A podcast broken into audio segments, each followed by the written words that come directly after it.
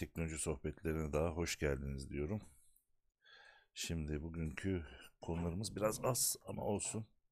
Yine güzel bir şekilde dinleyeceğiz. Ee, yayınımızı podcast olarak Anchor FM ve ona bağlı olarak e, ay söyleyemedim. Ona bağlı olarak Spotify ve Google Podcast üzerinden dinleyebilirsiniz. Ee, YouTube'da da e, bana ait olan Özgür Kaynak kanalından da videoları bulabilirsiniz. Özgür Kaynak diye bulacaksınız. Benim gibi yakışıklı bir arkadaşınızı. Yayınlarımızı beğenmeyi, sorunuz varsa soru sormayı, yorum yapmayı unutmayalım. Kanalımı takip ederseniz de çok mutlu olurum. Şimdi ilk haberle başlıyoruz. Ant-Man filmi Kapadokya'da çekiliyor. Kültür ve Turizm Bakanı Mehmet Nuri Ersoy Habertürk TV'de konuk olduğu bir programda Türkiye'de çekimleri devam eden Hollywood yapımlarıyla ilgili bilgiler verdi. Bakan Ersoy, Marvel'in yeni Ant-Man filminin Kapadokya'da çekildiğini aktardı. Kültür ve Turizm Bakanı Mehmet Nuri Ersoy ayrıca geçtiğimiz günlerde çekimleri Antalya'da devam eden Guy Ritchie'nin yönetmenliğini yaptığı başrolünde Jason Statham'ın yer aldığı Five Eyes filminin de setini ziyaret etmiş. Bakanın söylediğine göre ekip Antalya'da çekim yapabiliyor olmaktan bir hayli memnun. Ülkemizde çekimleri devam eden Hollywood yapımlarını bahseden Bakan Ersoy, yabancı film yapım desteği adı altında bu projenin gerçekleşmesi için geçen sene bir yasa değişikliğe gittik. Yeni bir yasa çıkardık. Yabancı prodüksiyonu ülkeye davet etmek için destek programları açıklıyoruz. Bu program kapsamında ülkemize geliyorlar. Büyük bütçeli uluslararası filmler bunlar. Türkiye'ye geldikleri zaman bütçenin büyük bir kısmını Türkiye'de kullanılır. Hem sinema desteklemiş oluyorsunuz hem de ülkenin tanıtımında kullanıyorsunuz. En son en son e, çekilen film 60 milyon dolarlık bütçeli bir film. Yaklaşık 10 milyon dolar Türkiye'de harcanıyor ve şu an Ant-Man ve Kapadokya'da birçok bölgede çekiliyor dedi. En son son olarak Ant-Man 3 filmi 2023 yılında sinemalarda gireceğini söyleyelim arkadaşlar. Müthiş bir haber. İnşallah kendi ülkemizi filmde görürüz. O da çok güzel bir olay bizim için. Bir sonraki haberimizde e, SpaceX Starlink uydu kullanıcı sayısı abi ülkemize gelsin diye dua ettiğim bir şey bu. Tamam şu an benim internetim güzel ama interneti güzel olmayan yerler çekmeyen insanlar var. Bunda da özel bir uydu alıcısı alıyorsunuz. Bu uydu alıcısıyla bunu internete çeviriyor ama şey ücretlerini bilmiyorum. E, abonelik ücretlerini ama düşünün hızlı internet nerede olursanız çekiyor. Ama bu esas amacı ev ve bina kullanıcıları dediğimiz kullanıcılar için dolaşarak internet çekimi manasında değil. Özel uzay şirketi SpaceX uydularında yeryüzüne internet servisi veren Starlink'in kullanıcı sayısını açıkladı. Elon Musk uzaya gönderilecek binlerce uyduyla dünyanın dört bir yanına hızlı ve ucuz internet hizmeti sağlamayı hedefliyor. Elon Musk'ın sahibi olduğu özel uzay şirketi SpaceX'in uydu bazlı küresel internet projesi Starlink'in kullanıcı sayısı belli oldu. Servis şu anda sadece 3 ülkede açık olmasına rağmen önemli bir abone sayısına ulaşmayı başardı. Söz konusu projenin beta sürecinin 2020 yılının Ekim ayında başlamıştı. SpaceX daha önce de yaptığı açıklama yönündeki uydular tarafından sunulan internet hızının 50 megabit ile 150 megabit arasında olacağı belirtmişti. Ancak geçtiğimiz aylarda Okla tarafından yapılan testlerde Starlink uyduları 18 megabit'e kadar yükleme hızı sundu. Son dönemde 60'lık partiler halinde onlarca Starlink misyonuna imza atan SpaceX'in e, hizmetinden faydalanan kullanıcı sayısı 10 bine ulaştı. Bu anlamda şirketin uydu bazlı küresel internet projesi ciddi bir eşiği açmış oldu. Şirket yaptığı açıklamada Starlink'in beta programı ABD ve Avrupa'da kayıtlarının sürdüğü bilgisinin altını çizdi. Ücret tarafında ise beta kullanıcılar aylık 99 dolar ücret ödüyor. Ayrıca ancak hizmeti kullanmaya başlanabilmesi için 500 dolarlık Starlink başlangıç kitinin satın alması gerekiyor. Bu başlangıç kitinde ve anten ve Wi-Fi router cihazları yer alıyor. Proje kapsamında binin üzerinde uydu gönderildi. Yörüngeye binin üzerinde uydu gönderildi. Bu hamle sonrası Musk'ın şirketi e, yörüngedeki her dört uydudan birinin kontrolünü eline bulundurur hale geldi.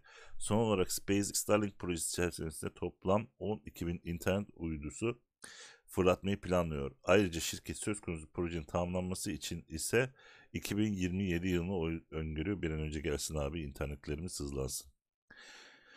Evet, oyuncuların beklediği haberlerden biri daha okuyacağız şimdi arkadaşlar.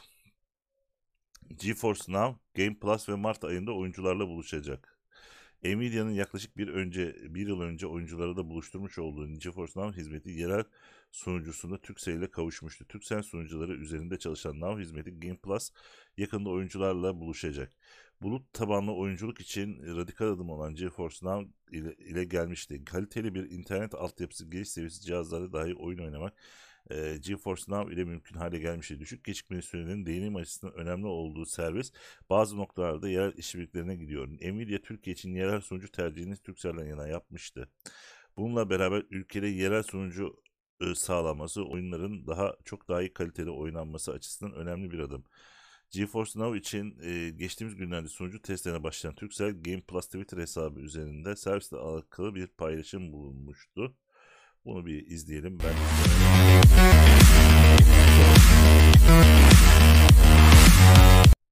sesi kesiyorum.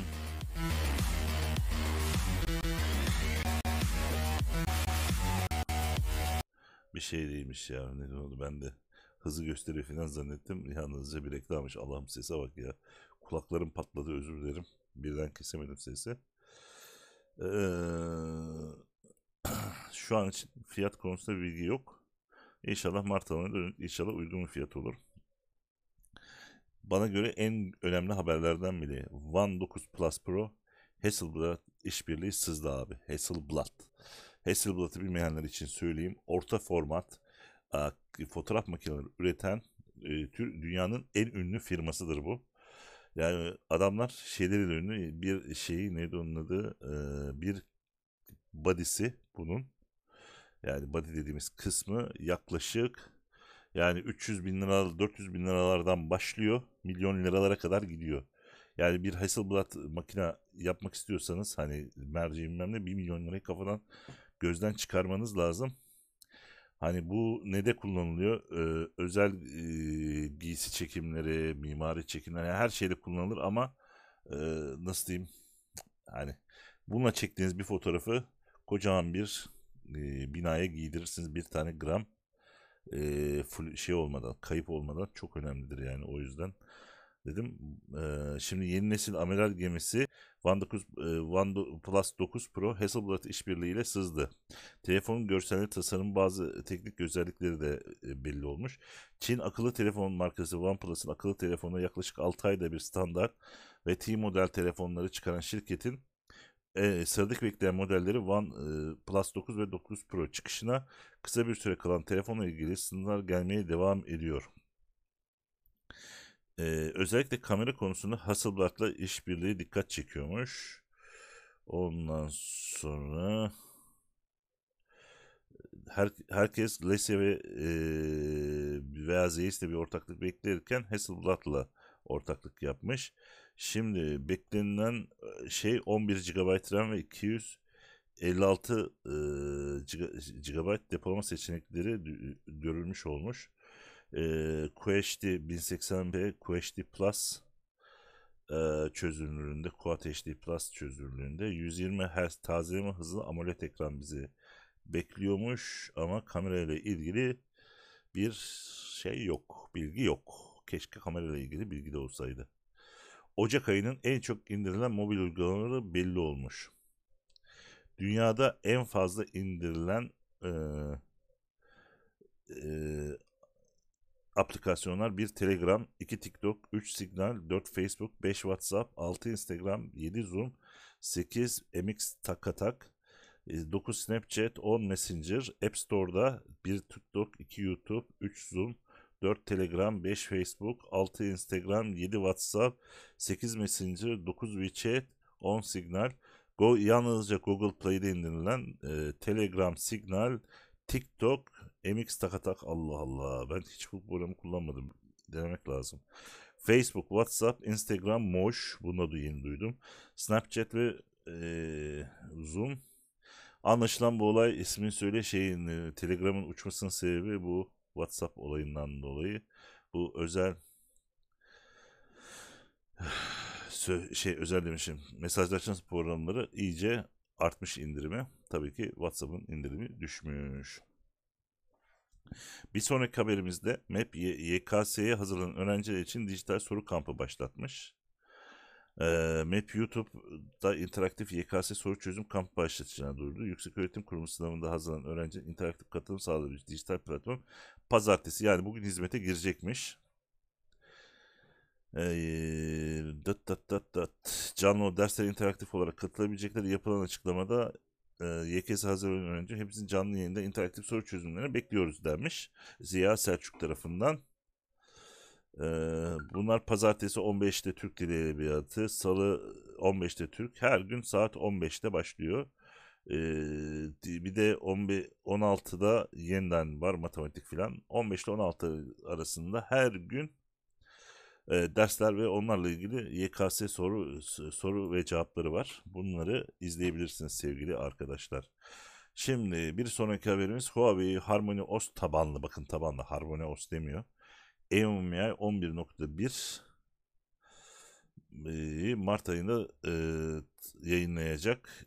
Huawei EMUI 11 kullanıcı arayüzünün devam niteliğinde 11.1 yazılım günceli bu sene yayınlanacak. Önümüzdeki ay piyasaya çıkması gereken Harmony OS işletim sistemin üzerine kurulu olacağı ifade ediliyor. Şimdiye kadar çıkan raporlar Huawei'nin 11'den sonra e, serisine son verici iddia ediliyordu. HarmonyOS 2.0 betasını sürümünü Çinli geliştiricilere açan Huawei'in artık yeni bir EUMI EUMUI yükseltmesi geliştirmeyeceği söyleniyordu. Fakat görüşe bakılırsa bunu yapması için çok daha erken. E, HarmonyOS Android uygulamalarını da destekliyor zaten. APK olarak in, e, indirip kurabiliyoruz. Bir sonraki haberimize geçelim. Realme'den iki yeni kampanya varmış. Realme e, Süper 2'li kampanyası Vatan Bilgisayar Mediapark Teknik kanalına ulaşılabiliyor. Süper 2'nin fiyatı 599 lira. Realme Watch alan herkese Realme Band veriyorlar. Ee, ayrıca Realme 6 için de telefonlar için de Realme Band hediye. Vatan Bilgisayar Mediapark Teknik kanalına ulaşan kampanya fiyatı da 2799 lira. Yani güzel. Faydalansın insanlar ya. Bir sonraki haberimiz ve son haberimiz bugün, bugünkü. Apple yetişkin filtre, yetişkin içerik filtresi açıkken Asian yani Asyalı kelimesi içeren siteleri engelliyor. Bildiğimiz gibi Apple'ın işletim sistemi iOS ve iPad OS'ta yetişkin içerikli web siteleri engelleme özelliği bulunuyor. Telefonunuzun küçük çocuklarınız, kardeşleriniz elini verdiğiniz zaman bu özellik sayesinde onların uygunsuz sitelere erişime mani olabiliyorsunuz. Fakat şu sıra Apple'ın filtreleme mekanizması ilginç bir sorunla gündeme geldi. Apple telefonunda da tabletine yetişkin içerik filtresini aktif eden kullanıcı tuhaf bir problemle baş başa kalıyor. Yazılım geliştirici Seven e, Stephen Sheehan tarafından keşfedilen probleme göre yetişkin filtresi açanlar Safari üzerinden Asian, Asya veya Asyalı kelimesi içeren URL'lere giriş yapamıyor. Eğer iOS'ta ekran süresi ve içerik sınırlama bulunan yetişkin web sitesi sınırda seçeneğini açarsanız Safari'yi engeller. Yanılamaz. Gerçekten girin deneyin. Uzun zaman önce geri bildirimde bulmuştum fakat hiçbir şey değişmedi. Evet bu da son haberimiz oldu. Evet arkadaşlar çok teşekkür ederim beni dinlediğiniz ve vakit ayırdığınız için. Kendinize iyi bakın, sağlıcakla kalın diyorum. İyi günler.